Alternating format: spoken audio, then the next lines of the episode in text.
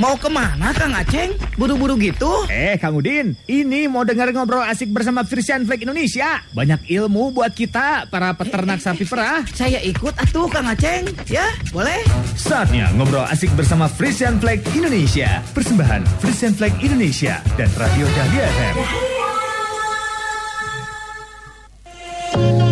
101,5 Dahlia FM Bandung yang asik-asik Selamat malam wargi Dahlia. Selamat malam kawan peternak semua Yang ada di Lembang, Pangalengan, di Jawa Timur, di Jawa Tengah. Pokoknya semuanya yang lagi pada panteng malam hari ini Mudah-mudahan semuanya dalam keadaan sehat walafiat. Amin ya.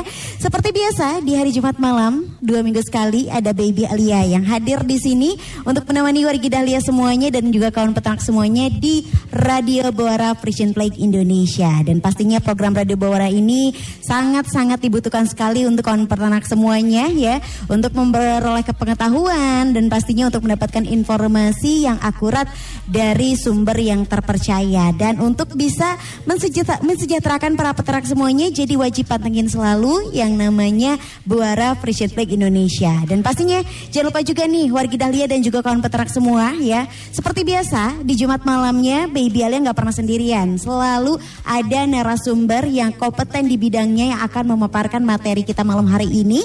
Nah, tema kita malam ini adalah mengenai vaksin ya untuk sapi perah. Apakah vaksin saja sudah cukup? Di mana sekarang di tengah-tengah para peternak sedang dilema menghadapi yang namanya PMK ini wargi Dahlia dan juga kawan peternak semuanya ya. Untuk itu Baby Alia langsung aja akan kenalan dengan narasumber tapi sebelumnya Baby Alia ingetin untuk wargi Dahlia dan juga kawan peternak yang mau bertanya seputar tema kita malam hari ini boleh langsung WhatsApp saja di 0811 222 1015 kirimkan pertanyaannya dan juga nanti di akhir acara kita akan ada kuis persembahan dari Frisian Flag Indonesia bisa lewat telepon di 73028 ya. Oke, baik wargi Dahlia dan juga kawan peternak sesuai janji Baby Alia. Kalau hari ini kita sudah terhubung via Zoom ya dan Baby Alia juga mau menyapa rekan-rekan semua yang sudah bergabung via Zoom dan juga yang ada di rumah ya. Via Zoom sudah terhubung dengan narasumber kita. Hari ini luar biasa disajikan langsung tiga narasumber yang akan membahas seputar tema kita malam hari ini. Ada Dr. Hewan Fajar Hari Setia Budi selaku DDP Supervisor FFI Jawa Timur PT Presiden Indonesia. Selamat malam Dr. Fajar. Uh, selamat malam, Assalamualaikum. Waalaikumsalam. Gimana kabarnya sehat Pak Dokter? Alhamdulillah sehat, sehat. Alhamdulillah. Malam ini sedang di Jawa Timur? Betul, betul. Masih di Malang, Jawa Timur. Masih di Malang. Iya, baik. Mudah-mudahan diberikan kesehatan selalu sama keluarga ya. Oke, selain ada Dokter Fajar, Baby Alia juga sudah terhubung via Zoom. Ada Dokter Hewan Iyo Setiawan, selaku Kasubag Kesehatan Hewan KPSBU Lembang. Halo Dokter Ius, ketemu lagi. Apa kabar dokter? Kabar baik, Alhamdulillah bisa ketemu lagi udah lama ya. Siap. Hmm, hmm. Di Lembang tiris banget malam hari ini Pak ya? Jaketan makanya. Jaketnya udah tebel dokter Ius ya malam hari ini. Oke okay, baik. Selain dokter Ius juga Baby Alia sudah kedatangan. Ini peternak dan juga manajer dari KPSP Saluyu Kuningan. Oke. Okay. Oke. Okay akan mencoba terhubung dengan kita kembali via Zoom nanti ada Pak Jojo Mintarja. Ini selaku peternak dan juga manajer KPSP Saluyu Kuningan ya. Oke. Okay. Pak Dokter Ius dan juga Dokter Pajar, minggu lalu kita sudah sempat membahas dengan narasumber yang minggu lalu bersama dengan Kang Tino juga seputar uh, penyakit menular kuku dan mulut ini ya. Dan pastinya hari ini kita bahas lagi, tapi kita bahasnya fokus dengan yang namanya vaksinasi. Saya mau tanya dulu sama Dokter Fajar nih Kang, kenapa tema ini kembali kita angkat dan fokusnya hanya terhadap vaksinasi saja Mas Fajar? Uh, terima kasih Teh. Uh, tema penyakit mulut dan kuku ini kan seingat saya uh, sudah tiga kali nih yang uh -huh. ketiga kali kita ngebahas tema ini dan perbedaan dengan uh, uh, siaran dua siaran sebelumnya itu sebenarnya kita hari ini tahu bahwa dua minggu terakhir ini pemerintah kita sudah melakukan pengadaan dari vaksinasi uh, dari vaksin yang sudah didatangkan dari luar datang ke Indonesia dan saat ini tim Keswan baik dari dinas terutama yang untuk juga dari teman-teman di peternak di koperasi sedang berjibaku di lapangan untuk melakukan vaksinasi ke sapi-sapi yang ada yang sehat uh, yang diharapkan minggu ini terakhir sudah bisa beres bisa kelar untuk yang vaksinasi yang pertama gitu. Oke baik. Berarti ini sebuah sambutan yang sangat positif sekali ya dan juga kabar gembira juga untuk kawan peternak semuanya ya. Saya mau tanya sama Dokter Yus terlebih dahulu nih ya untuk wilayah Lembang sendiri nih Pak eh, boleh diceritakan nggak kondisi saat ini oh, terkait PMK ini seperti apa? Terus juga berapa sapi yang sudah kena di sekitar Lembang dan dampaknya sejauh ini seperti apa Dokter Yus? Ya, eh, untuk Lembang ya, termasuk untuk Jawa Barat cukup berat ya. Eh, berawal dari satu wilayah menyebar ke wilayah lain dalam kurun waktu satu bulan ini sudah hampir 100% terkena ya untuk anggota KPS. Tapi ada beberapa eh, lokasi kandang peternakan yang masih belum kena dan menjadikan vaksinasi kita yang paling utama. Jadi eh, dari sejak awal apa eh, Mei Mei pertengahan itu sudah masuk ke arah Lembang, Parungkong, Cisarua sampai sekarang sudah menyebar di seluruh eh, kecamatan ya, kecamatan Lembang, Parungkong, Samprak eh, semuanya sudah mulai kena. Jadi eh, ini kelihatan sekali bahwa benar-benar penyakitnya benar-benar menular ya. Angka penularannya sangat tinggi dengan angka kematian yang cukup ya, cukup bagi saya angka kematian 10% itu sudah cukup besar walaupun dikatakan itu rendah tapi cukup besar. Eh, angka keterjangkitan hampir 100%. Artinya apabila satu wilayah kena nah tinggal tunggu waktu beberapa hari sampai minggu itu satu wilayah kena semua sampai sapinya terkena semua gitu. Itu eh, kejadian di Lembang untuk saat ini. Eh, terus penanganan dari awal sampai sekarang sudah sangat masif ya, mulai dari eh, pencegahan sapi masuk, terus kemudian juga penanganan sapi sakit sampai ke eh, tindakan akhir yang terpaksa harus kita lakukan untuk eh, mengurangi kontaminasi penyakit ini, kontaminasi virus di wilayah eh, yang terjangkit. gitu ya. Kemudian terakhir minggu-minggu terakhir ini mulai dari kemarin hari Kamis sudah mulai dilakukan vaksinasi vaksinasi PMK menggunakan vaksin yang diberikan oleh pemerintah. Nah, Alhamdulillah sudah hampir eh, data terakhir itu waktu kemarin kita target kita mencapai di 10 ribu ekor sudah harus bisa tervaksin. Alhamdulillah udah kelar ya sebelum tanggal 29 kemarin sudah selesai. Nah, kita tinggal nunggu eh, evaluasi bagaimana dampak daripada eh, reaksi pos vaksinasi daripada vaksin sapi-sapi yang divaksin Eh, sambil di apa untuk ini untuk daerah yang untuk sapi-sapi yang belum terkena atau belum muncul gejala klinis. Tapi untuk sapi yang sudah ada gejala klinisnya kita tidak lakukan vaksinasi karena eh, itu isinya sudah eh, terkena infeksi alam ya. Karena ya, nanti kita jelaskan untuk eh, mengenai eh, teknis vaksinasinya. Oke baik. Nanti dokter Yus akan menjelaskan lebih lengkapnya lagi ya. Dan pastinya jangan ke mana-mana untuk kawan peternak semua. Di sini juga sudah tergabung dengan kita ada Pak Jojo. Sudah bergabung dengan kita Pak Jojo Halo selamat malam Pak Jojo Pak Jojo sudah bisa mendengar suara saya? Oke baik ya nanti kita akan ngobrol bersama dengan Pak Jojo juga merupakan eh, salah satu peternak dan juga manajer koperasi Saluyu Kuningan ya sekaligus peternak yang memang sapinya terkena PMK. Nanti Pak Jojo juga akan share bagaimana pengalamannya cara mengatasi dari PMK ini ya. Oke, dan baik nanti kita akan ngobrol langsung dengan Pak Jojo. Jadi jangan ke mana-mana, wargi Dahlia dan juga kawan peternak. Karena nanti juga Dokter Ius, Dokter Fajar juga akan membahas lebih lengkap lagi mengenai vaksinasi. Apakah vaksin sudah cukup atau harus ada pengobatan tambahan untuk sapi yang terkena PMK? Jangan ke mana-mana, tetap di Radio Buara Fresh Flag Indonesia. Kita akan dengarkan terlebih dahulu mini drama persembahan dari Buara Fresh Flag Indonesia. Kang, alhamdulillah ya Kang. Alhamdulillah ya Kang. Akhirnya, akhirnya vaksin vaksin untuk untuk PMK, PMK sudah, sudah sampai di desa kita dan sapi-sapi kita bakal dapat vaksin nih. Iya mas, Alhamdulillah.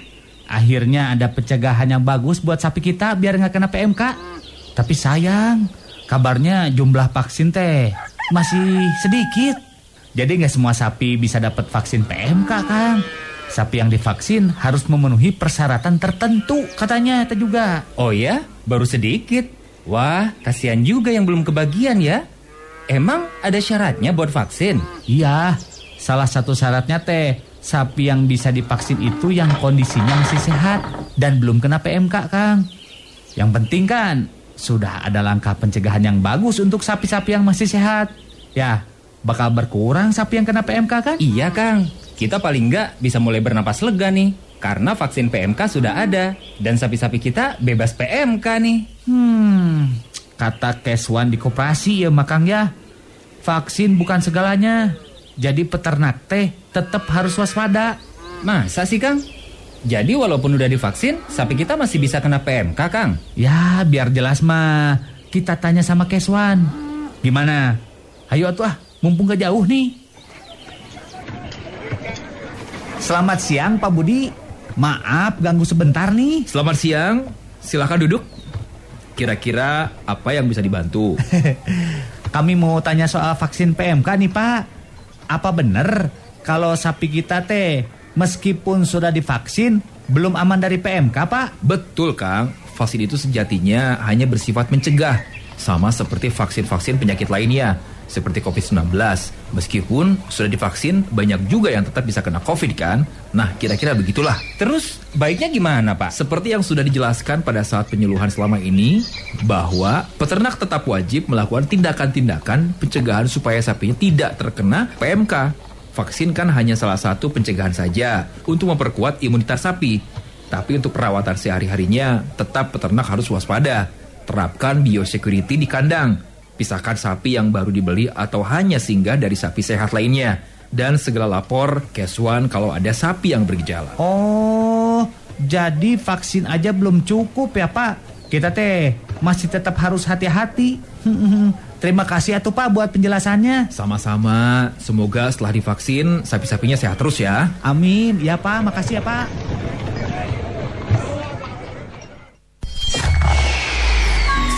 Koma Radio Dahlia FM. Radio nomor satu, satu, satu di Bandung.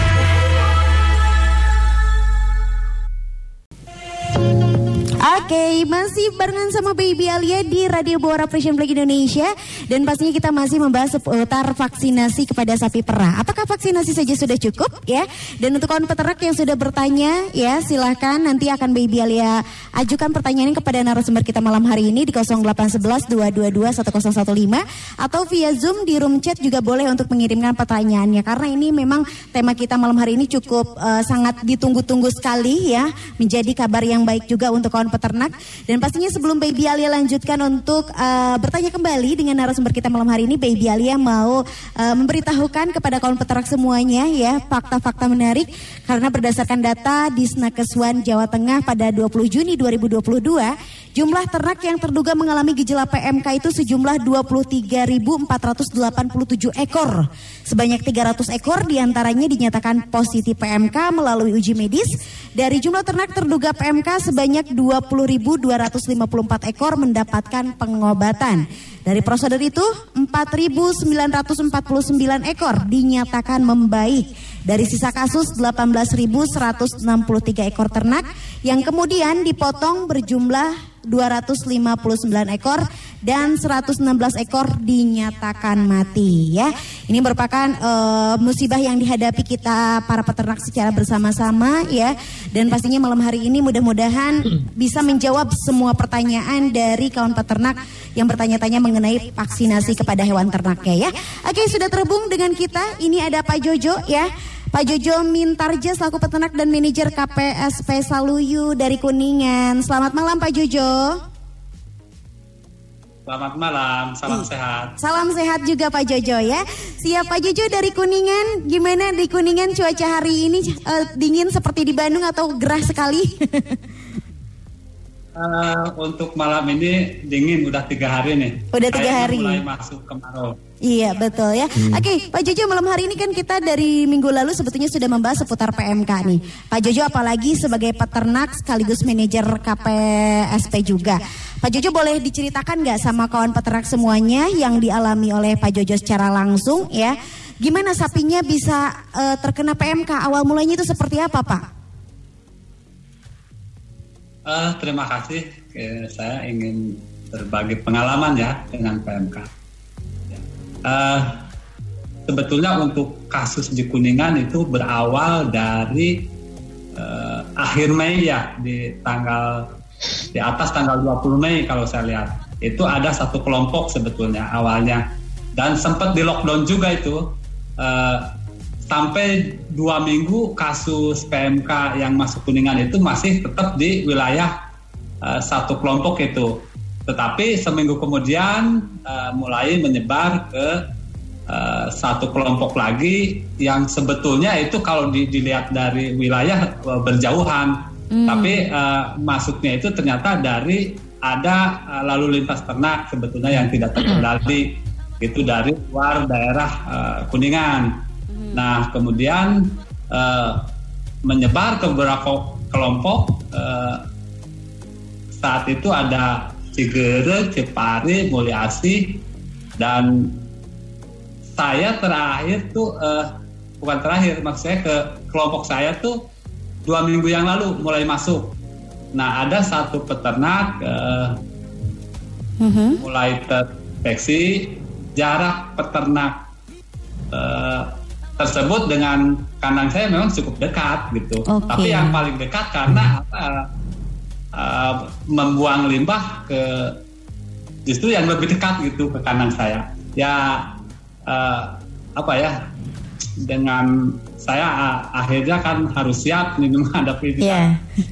Uh, saya lihat juga di beberapa wilayah kalau satu kelompok itu sudah terinfeksi saya yakin itu akan terus menyebar. Betul. Walaupun saya uh, sudah menerapkan biosecurity yang memang sudah sudah saya pikir sudah cukup ketat itu untuk uh, uh, penyemprotan hmm. dengan desinfektan, malah di, di sekitar di luar kandang hmm. hampir uh, 50 meter di luar kandang itu kita coba dengan uh, lalu lintas orang, lalu lintas tapi ya tetap tetap uh, terinfeksi. Awalnya satu ekor, uh, tiga hari kemudian tambah uh, empat ekor. Mm-hmm. Seminggu kemudian uh, dari 16 ekor terinfeksi 13 ekor itu sampai sekarang. Wow, oke. Okay. Kalau kondisi sekarang setelah dilakukan penanganan, apa yang terjadi saat ini, Pak? Uh, Alhamdulillah untuk sapi saya ini yang yang paling awal itu yang udah tujuh hari ya terinfeksi uh-huh. uh, sudah mulai membaik saya bilang karena memang makannya itu udah normal lagi yeah.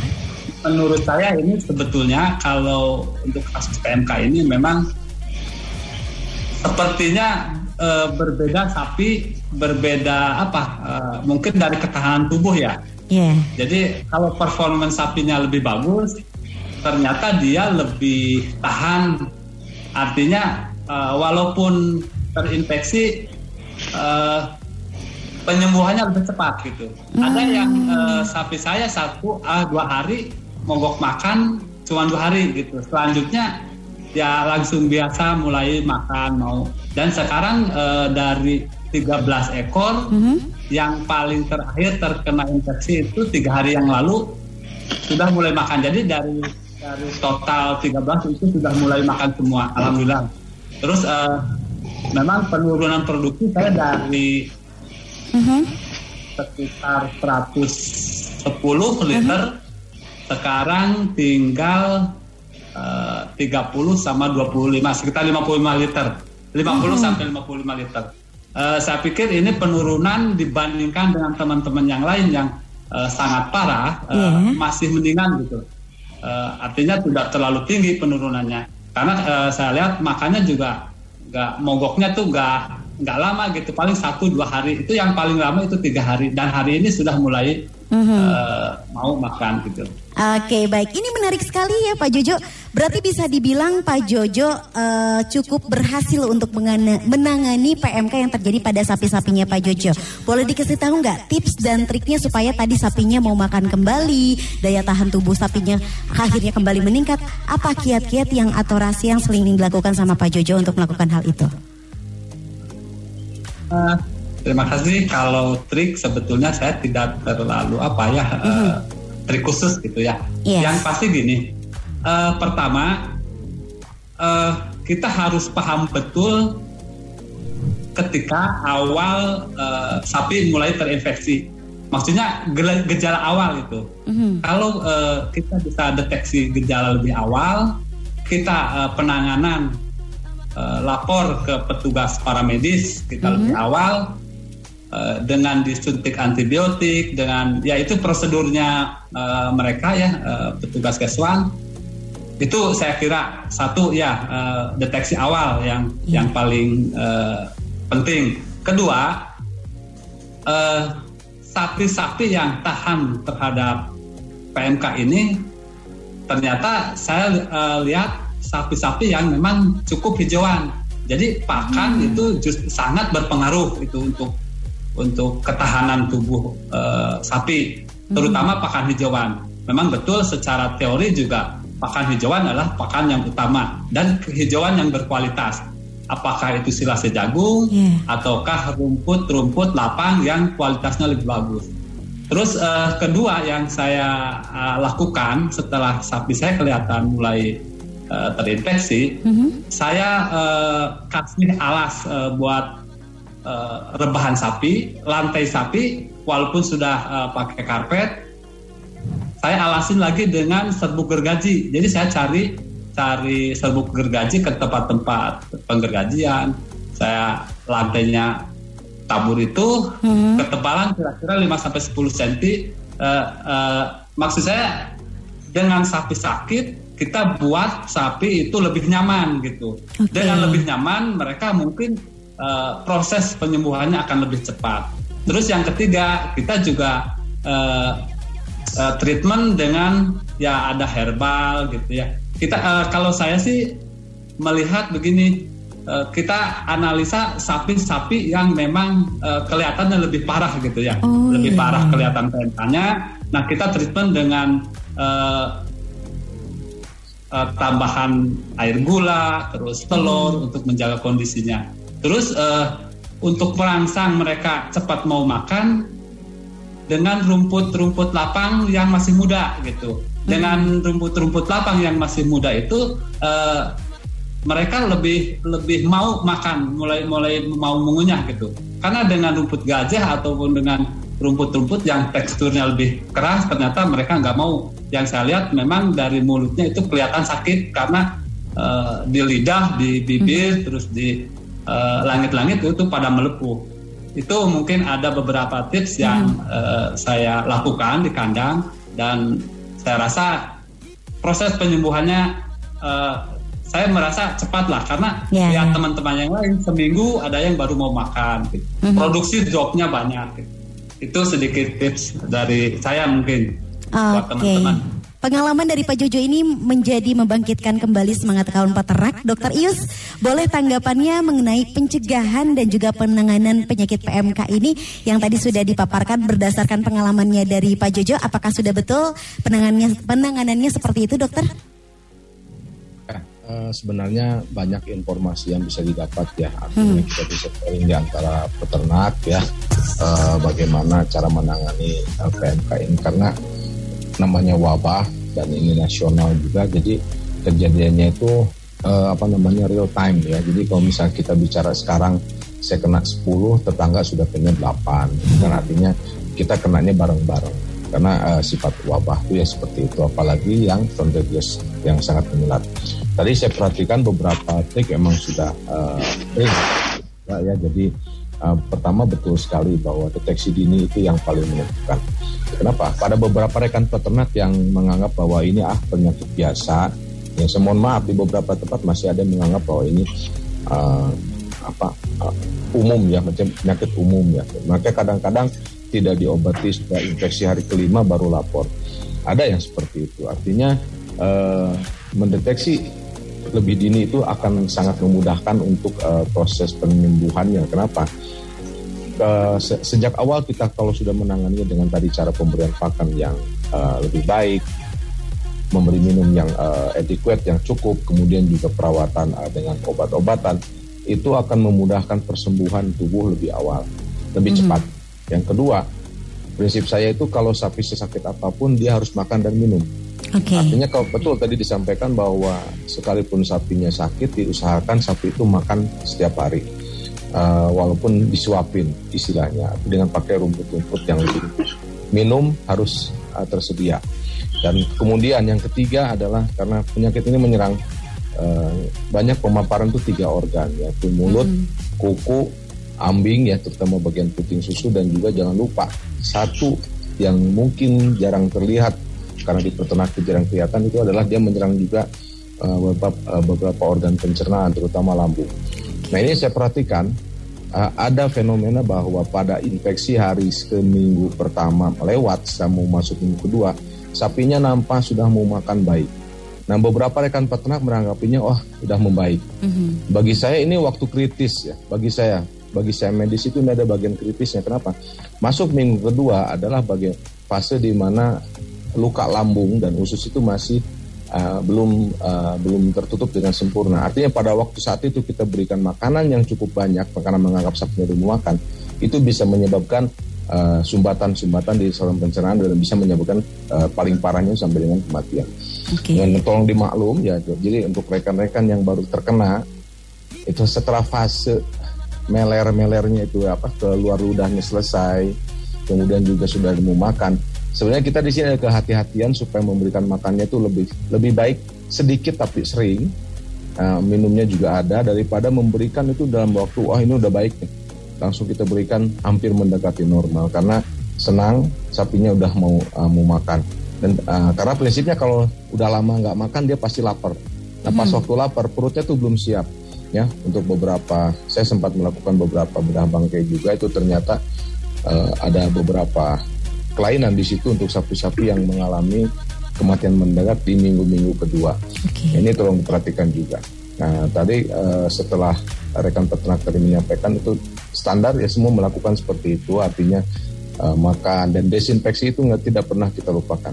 Yang sering kita lupakan atau mungkin luput dari perhatian peternak adalah pada saat menyemprot kandang dengan disinfektan apa pun jenisnya, kita menyemprot kandang itu seolah-olah virus itu berterbangan begitu aja. Nah, jangan lupa virus ini dia akan hidup pada benda hidup. Ya.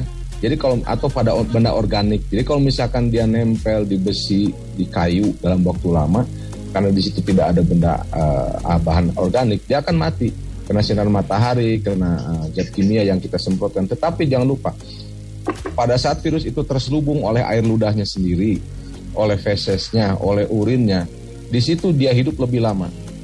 Jadi kenapa usaha desinfeksi kita tidak bisa maksimal? Kenapa? Karena pada saat terkena infeksi, eh, yang kita semprot itu adalah bagian permukaannya aja, bagian permukaan. Jadi ya virus-virus yang jumlahnya relatif lebih sedikit, tapi yang ada di dalam eh, di, di, di lantai kandang, di bak pakan, di tempat minumnya dia, di embernya bekas makan itu yang kita tidak cuci. Itu yang menjadi permasalahan utama. Jadi saya sarankan selalu kalau untuk sanitasi itu selalu kalau misalkan mau cuci ya cuci kandang. Iya, iya. Jadi hilangkan zat, zat organiknya tadi seperti ada kotoran, ada air ludahnya, ada fesesnya, ada ada urinnya, semua di- dicuci baru disemprot itu efektif. Ya, jadi ya, mohon maaf kalau misalkan mau cuci kandang ya sekalian sama temboknya yang ada kotorannya, bak pakannya juga harus dicuci, eh, dibersihkan sama sabun, deterjen, baru kita semprot itu lebih efektif untuk rekan peternak yang baru eh, terkena ya. Tapi kalau yang sudah terkena biasanya udah saking sibuk ke sana sininya apa ngobatin apa terus kemudian juga uh, terbatas uh, ini kadang-kadang kita lupa hal ini. Akhirnya nah itulah titik kritisnya penularan. Pada saat kita lengah, pada saat kita uh, tetangga kita sudah banyak kena, kita fokusnya sekarang bagaimana cara kita sampai uh, ter- tidak terkena. Nah, pada saat itu kita mel- melengahkan melemahkan sanitasinya, saat itu pula uh, penyakit ini menyebar dengan mudah. Tadi saya perhatikan dari Pak Jojo juga kan katanya betul bahwa di kita tuh sangat berisiko untuk kandang-kandang yang berdekatan apalagi kontur tanahnya dari atas ke bawah terkena di atas sangat mudah daerah dengan aliran air di bawah itu akan mudah terkena gitu ya. Kenapa? Karena tadi virus tadi itu tadi mengalir bersama urin, feses dan bagi saya itu tidak akan sulit di di apa dicegah begitu saja karena di tempat kita pun untuk lokasi kandang yang sangat berdekatan. Kemudian juga apa namanya eh, aliran eh, aliran kotorannya itu sambung menyambung Ya.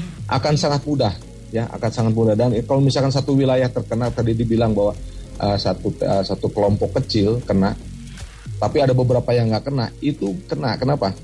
Kalau dalam istilah penyakit itu ada masa inkubasi. Masa inkubasi itu istilahnya ma- masa eh, apa berkembang biak. Dan pada masa ini gejalanya nggak nampak.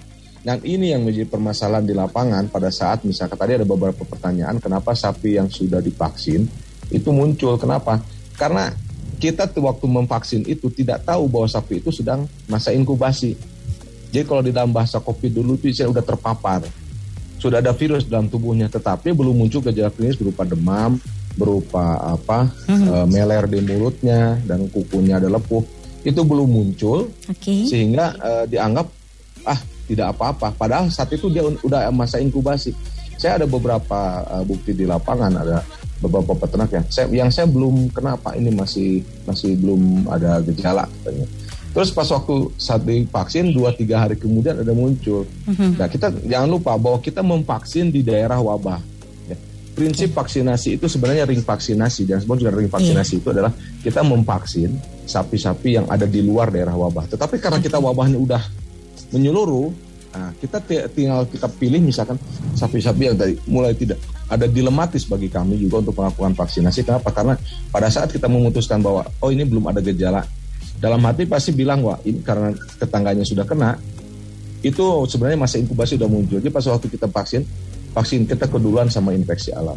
Nah, bukti kedua ada satu kelompok peternak yang jauh dari dari eh, kelompok Oke. peternak yang lain, jadi dia posisinya di atas, masih murni belum terkena, dia hasil vaksin itu, alhamdulillah tidak ada gejala yang Oh. seperti penyakit PMK. Oke baik ya. Terima kasih dokter Yus ya. Oke dokter Pajar ya berbicara tentang vaksinasi. Baby Ale pengen tanya Apakah vaksinasi cukup efektif Untuk mencegah penularan PMK ini dokter? Ah, terima kasih. Pertanyaannya bagus banget tuh. Untuk ah, apakah vaksinasi bisa membantu untuk mencegah? Tentu saja vaksinasi itu memang fungsinya untuk pencegahan gitu.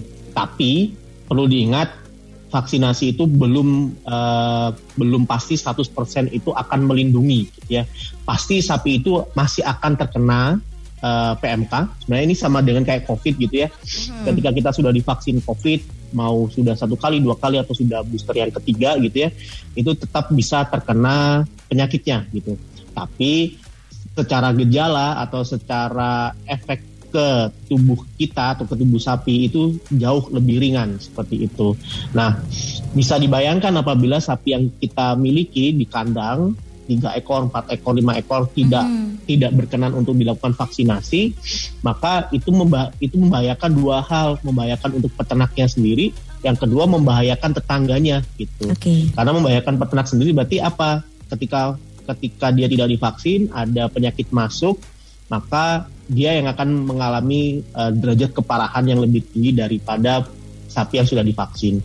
Kemudian yang kedua, kalau tetangganya tadi, ketika tetangganya sudah divaksin tapi sebelahnya belum, maka jumlah virus yang ada di sekitar itu masih tinggi gitu. Nah, jumlah virus yang masih tinggi ini yang memungkinkan sapi yang sudah divaksin pun eh, masih bisa terpapar gitu.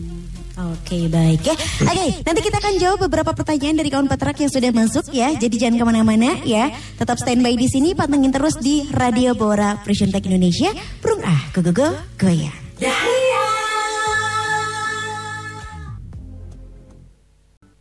Satu kosong satu koma lima. Dahlia FM. Dahlia FM. Dahlia FM. 101,5 Dahlia FM Bandung Goyang Sikasik masih di Radio Bawara Frisian Flag Indonesia dan pastinya masih membahas seputar vaksinasi nih ya. Tadi ada beberapa pertanyaan dari kawan peternak yang sudah terkumpul dan kita akan jawab sesaat lagi ya. Mungkin eh, Baby Ali akan membacakan beberapa pertanyaan dulu. Tadi ada pertanyaan yang bagus sekali yang sudah ditanyakan katanya ya.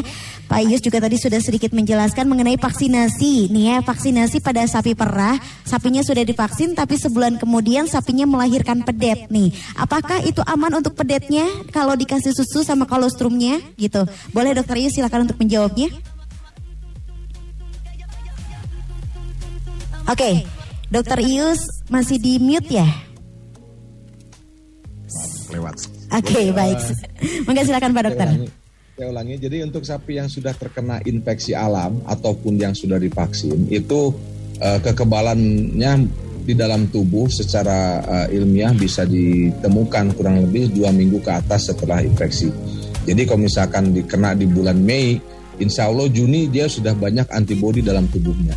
Jadi kalau yang kelahiran akhir Juni ini atau Juli atau Juli mendatang misalkan dia lahir, kalau dia infeksinya kemarin uh, sekandang kena di bulan Mei atau pertengahan Juni, insya Allah kekebalannya sudah ada. Nah ini uh, kemarin juga ada yang kelahiran seperti itu. Saya sarankan langsung nggak apa-apa diberikan susu kolostrumnya saja. Kenapa? Itu sangat tinggi ya, sangat tinggi antibodinya. Jadi uh, untuk yang sudah terkena, tapi yang jadi masalah adalah kita ini kan terkenanya itu nggak bareng-bareng ya. Ini ya ada satu kandang yang baru terkena sekarang. Uh-huh. uh, terus jarak 100 meter ya ada yang terkena udah uh, satu bulan yang lalu gitu ya. Jadi informasinya jadi bias. Kalau misalkan oh sapi saya dikasih susu induknya kok mati? Ya iya kalau dia masih kena infeksi awal pak belum ada kekebalan induk banyak kan mati karena itu yang diminum sama anaknya itu ya kebanyakan virusnya gitu kan atau uh, zat bahaya yang ada di dalam uh, susunya tadi yang ada karena PMK. Tapi kalau ibunya sudah ada kekebalan, mm -hmm. uh, insya Allah tidak bermasalah. Kenapa malah bagus ya? Ada uh, saya baca ada sedikit beberapa penelitian kecil itu membuktikan bahwa uh, susu yang ada antibodi PMK-nya diberikan ke anak itu malah uh, memberikan kesembuhan atau dalam pengertian uh, tidak sampai terjadi kejangkit PMK gitu ya gitu. Mm-hmm, Oke okay, baik ya, Pak Yus. Uh, ini juga ada beberapa pertanyaan dari kawan peternak yang sudah masuk via WhatsApp, tapi Baby Alia simpulkan ya dari pertanyaan kawan peternak rata-rata adalah menanyakan kalau sapi mau divaksin ada syarat-syarat khususnya nggak Pak Yus? Terus juga untuk uh, vaksin pada sapi ini proses pemberian vaksinnya itu seperti apa? Kata karena kabarnya juga kawan peternak pada mendengar bahwa nanti akan ada vaksin booster juga untuk sapi. Silakan Dokter Yus. Oke. Okay uh, tadi syaratnya tetap ya kalau vaksin karena tadi prinsipnya vaksin itu adalah virus yang dilemahkan atau bakteri yang dilemahkan tergantung jenis penyakitnya dilemahkan atau dimatikan. Jadi sifat virusnya masih ada tetapi dia tidak seganas vaksin uh, tidak seganas virus alam yang menyerang sekarang PMK ini.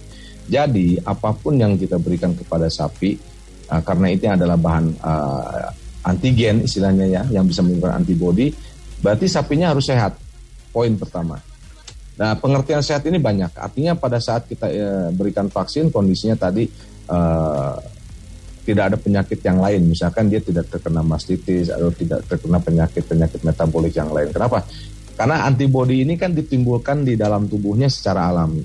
Itu ada sel-sel radang yang memfasilitasi pembuatan antibodi. Nah, kalau sapi yang emang sedang terkena penyakit apa pun namanya atau sedang baru melahirkan dalam kondisi lemah, uh, kekurangan kalsium dan lain sebagainya itu proses pembuatan antibodinya terhambat atau tidak terbentuk sama sekali. Jadi akan mubazir memberikan uh, vaksin kepada sapi-sapi yang sedang sakit. Malah yeah. yang tadinya virusnya lemah malah jadi ganas. Kenapa? Selemah-lemahnya karena induknya uh, jelek pertahanan tubuhnya maka akan muncul uh, gejala penyakit yang hampir mirip dengan PMK atau mirip dengan gejala PMK alam ya gitu seperti itu. Jadi poin pertama itu harus sehat. Nah, yang uh, kalau peternak memahami sehatnya gampang. Satu bahwa uh, dia uh, pada waktu kita vaksin dia tidak sedang demam ya. Ya suhu normalnya 38,5 sampai 39 hmm. maksimum ya 39 395 itu masih kita tolerir tetapi 385 itu sampai 39 masih bagus artinya dia tidak demam itu menunjukkan dia uh, proses tubuhnya lagi bagus dan kita bisa vaksin. Nah, uh, saya bilang tadi bahwa kita ini dilematis petugas keswan ini uh, pada saat kita mau vaksin satu daerah yang terkena wabah, kita sulit me, me, uh, mencari sapi-sapi yang secara fisik kelihatan bahwa ini hmm. masih bebas. Kecuali kalau daerahnya memang jauh dan terisolir dari tempat wabah. Misalkan ada wabah di satu daerah, Kemudian ada tempat lain, ada kandang lain yang jaraknya kalau misalkan 500 meter dari mm -hmm. uh, kandang yang uh, lokasi kandang yang terkena dan itu kita bisa vaksin karena lokasinya berjauhan dan uh, hasil vaksinnya malah bagus. Kenapa? Karena di tempat yang di sekitarnya itu masih belum terinfeksi infeksi alam. Tetapi mm -hmm. kalau di suatu wilayah yang berpadat, berdekatan, ada sapi yang belum punya gejala, kita vaksin sebenarnya dilematis karena terkait masa inkubasi jangan-jangan pas waktu kita vaksin sebenarnya sapi ini udah terpapar gitu, sudah okay. terpapar virusnya. Jadi uh, mau divaksin mau enggak nanti malah muncul gejalanya. Ini yang jadi mm -hmm. uh, sekarang jadi apa pembicaraan di peternak. Ya, kenapa kok habis divaksin kok muncul? Karena okay. yang divaksin kita vaksin itu adalah di daerah yang sudah berdekat eh, berdekatan dan sudah terkena wabah. Hmm. Ya sangat mungkin terkenanya adalah infeksi alam. Oke, baik ya. Saya mau beralih ke Pak Jojo terlebih dahulu. Pak Jojo boleh eh, secara singkat kalau di daerah Kuningan sendiri ya untuk vaksinasi kepada sapi perahnya sendiri ini seperti apa prosesnya, Pak? Oke, eh, terima kasih. Untuk di Kuningan memang sudah berjalan hari ke itu mulai awal vaksin tanggal 26. Mhm. Tanggal 26 ya. Eh, untuk eh, Kuningan kan ada beberapa operasi. Ada Karya Nugraha, ada eh, Saluyu, ada Lembah Kamuning. Nah, untuk itu dibagi dua tim kalau saya lihat ada tim kita nih Saluyu dengan didampingi dokter-dokter kawan dari dinas. Eh, awal proses eh, vaksinasi pemberian vaksin itu di kita eh, untuk kuningan untuk sapi perah itu sekitar 5.200 dosis untuk sapi perah di kuningan. Eh, untuk pemberian vaksin eh, tentu saja eh, zona hijau. Oke. Zona hijau eh, artinya daerah yang memang belum terinfeksi. Kebetulan untuk kuningan sendiri uh, ada beberapa kelompok satu wilayah sebetulnya uh, kuning uh, bagian kuningan atas lah itu memang ada beberapa kelompok yang memang masih bersih Oh. jadi belum uh, ada kasus. Iya, iya, nah, iya. nah, itu yang diutamakan Uh, untuk untuk kita sendiri untuk uh, Koperasi Saluyu sampai hari tadi zona hijaunya udah eh, udah divaksin semua. Itu Mm-hmm. kurang lebih 500 eh, dosis sudah ter eh, apa udah disuntikan ke sapi. Oke. Itu untuk untuk daerah Kuningan terutama untuk Saluyu. Mhm. Kalau semuanya total untuk Kuningan saya dengar sih 7.200 tapi untuk sapi perahnya 5.200. Oke, baik. Eh, sampai saat ini sih belum saya belum dengar ada keluhan atau apa yang terkait setelah sapi di eh, vaksin itu. Mungkin itu sedikit informasi. Mhm. Jadi untuk uh, sendiri sudah sekitar 40% yang eh, divaksin itu. Mungkin sekedar info- sedikit informasi. Mhm. Oke, baik ya. Kalau di wilayah Pak Jojo sendiri, apakah keseluruhannya akan mendapatkan vaksinasi atau hanya wilayah tertentu saja, Pak? Eh, untuk sekarang karena eh, prosedurnya mungkin ya dok ya untuk wilayah yang belum terinfeksi artinya zona Oke. hijau dulu yang Oke. belum terinfeksi Mhm. Nah, Berarti untuk ada yang- wilayah prioritas terlebih dahulu ya?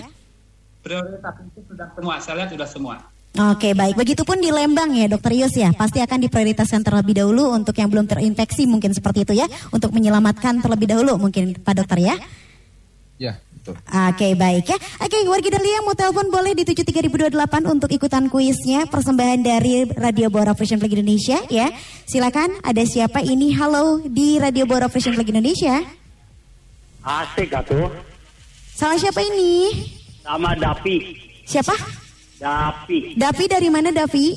Cimahi. Oke baik. Sebutkan eh, pertanyaannya sebutkan satu saja syarat untuk sapi yang bisa divaksin yang tadi sudah dijelaskan sama Dokter Ius. Sapinya harus sehat. Harus sehat. Yang belum terkena PMK. Oke gimana Dokter Ius jawabannya betul atau betul? Alhamdulillah baik.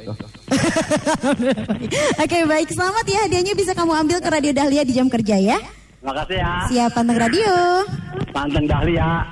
Prung ah go Oke baik ya. Untuk eh, peternak yang mendapatkan hadiah Baby Alia tadi sudah pilihkan selamat untuk Kang Asep Suhendar dari TPS 52. Hadiahnya bisa diambil di eh, koperasi-koperasi terdekat ya. Oke baik ini luar biasa malam hari ini sebetulnya penjelasannya masih panjang masih banyak yang harus dibahas. Mungkin untuk warga Dahlia kawan peternak yang pertanyaannya belum terjawab ya. Gak usah khawatir karena nanti akan ada WhatsApp balasan dari eh, pihak Radio Buara. Jadi pertanyaannya nanti akan dijawab secara langsung via WhatsApp ya. Oke baik karena kita keterbatasan waktu mungkin saya akan dengarkan terlebih dahulu dari Dokter Ius terlebih dahulu untuk kesimpulan tema kita malam hari ini apa yang mau disampaikan. Oke, yang eh, apa untuk PMK ini satu poinnya sabar, yang kedua sabar, yang ketiga sabar. sabar sabar berusaha maksudnya sambil berusaha gitu ya Betul. karena eh, apa namanya eh, saya selalu eh, waktu penyuluhan ke peternak pe- virus PMK ini kayak penyakit cacar ya. Kita kenali lebih awal dan gejalanya ada demam dan sebagainya dan pasti akan meninggalkan bekas. Nah kalau di PMK ini meninggalkan bekasnya adalah satu susunya nggak bisa balik normal. Yang keduanya adalah kukunya udah pada rusak. Jadi sapi-sapi yang udah mau masuk minggu kedua ketiga sekarang udah sembuh mau makan tapi nggak masih nggak bisa berdiri. Kenapa? Karena serangan berikutnya adalah serangan yang meninggalkan luka mendalam di. Jadi saya sangat setuju dengan Pak Jojo kalau misalkan sapinya itu harus dikasih bedding biar nyaman, kukunya tetap menumpuk dengan baik dan proses berdirinya baik. Alhamdulillah pada beberapa peternak juga hasilnya eh, alhamdulillah sampai sembuh lagi ya. Oke. Tapi ya saya tidak janji 100% tapi masih meninggalkan bekas betul. Iya, tetap terus ikhtiar ya dan sabar itu kuncinya dari Dokter Ios. Kalau dari Dokter Fajar, terakhir kesimpulannya Pak Dokter silakan. Saya sih eh, mengambil kesimpulan satu terkait dengan vaksinasi ini. Pasti kan tadi sudah banyak yang yang kita diskusikan ada peternak yang setelah divaksin malah sapinya timbul gejala karena PMK. Tapi yang pasti gitu ya, jangan takut sapinya untuk dilakukan vaksinasi karena vaksinasi ini tujuannya bagus agar sapi itu mengenali eh, mengenali PMK penyakit mulut dan kuku ini secara dini. Karena tadi juga sudah disampaikan bahwa eh, vaksin ini adalah virus yang dilemahkan atau virus yang sudah dimatikan sehingga tujuannya untuk menimbulkan antibodi atau sudah dikenal oleh sapinya sehingga ketika ada paparan dari alam itu sa- tubuh sapi itu dapat lebih cepat mengenali lebih tepat lebih cepat untuk recovery sehingga secara gejala secara gejala bahkan secara fisik masih bisa lebih baik daripada yang terpapar alam dan tidak divaksinasi seperti Oke, baik. Pak Jojo, terakhir yang mau disampaikan untuk eh, sesama rekan kawan peternak yang lainnya apa, Pak? Ah, baik. Eh, yang penting pertama ya tadi kembali eh, untuk pemeliharaan sapi-sapi perhatikan tetap nomor satu eh, nutrisi pakan gitu ya, terutama hijauan perhatikan. Eh, kedua eh, untuk vaksinasi eh, walaupun sudah divaksin jangan terlena karena dengan vaksin pun tidak menjamin sapi akan terbebas dari eh, PMK. Eh, kerugian yang yang ditanggung setelah eh, PMK ini sangat besar dari produksi susu terus Iya. eh, reproduksi juga. Terus anak ke depan juga kita untuk sekarang juga eh, pelayanan IBKS1 di stop. Nah setahun eh, kemudian mungkin kita tidak punya bibit-bibit baru lagi itu. Jadi eh, yang telah divaksin juga tetaplah eh, prosedur untuk eh, kebersihan kandangnya tetap dilakukan Dijaga, dan ya. lebih ini lagi. Terus eh, hindari eh, untuk sementara ini hi- ya hindari wilayah-wilayah yang memang sudah terinfeksi. Jangan sampai terlalu banyak kontak antara peternak juga dengan peternak yang eh, sudah terinfeksi. Itu Oke. mungkin sedikit eh, Baik ya, terima kasih Pak Jojo. Oke, hari ini dari tiga lintas wilayah ya narasumber kita ada dari Lembang, dari Jawa Timur dan juga dari Kuningan. Terima kasih banyak Bapak-bapak untuk waktunya malam hari ini ya. Mudah-mudahan sehat selalu kita semua ya, sukses selalu.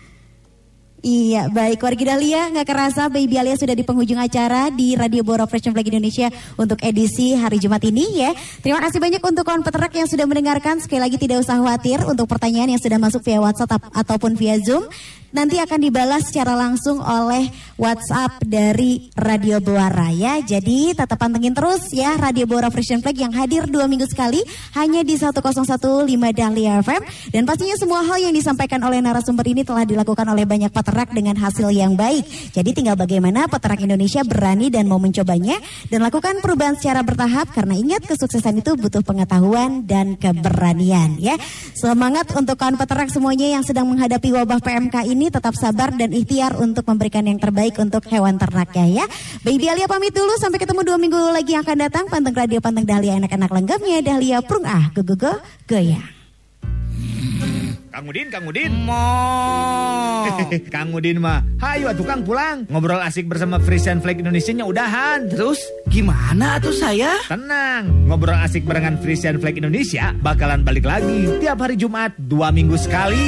Persembahan Frisian Flag Indonesia dan Radio Dahlia FM. Dahlia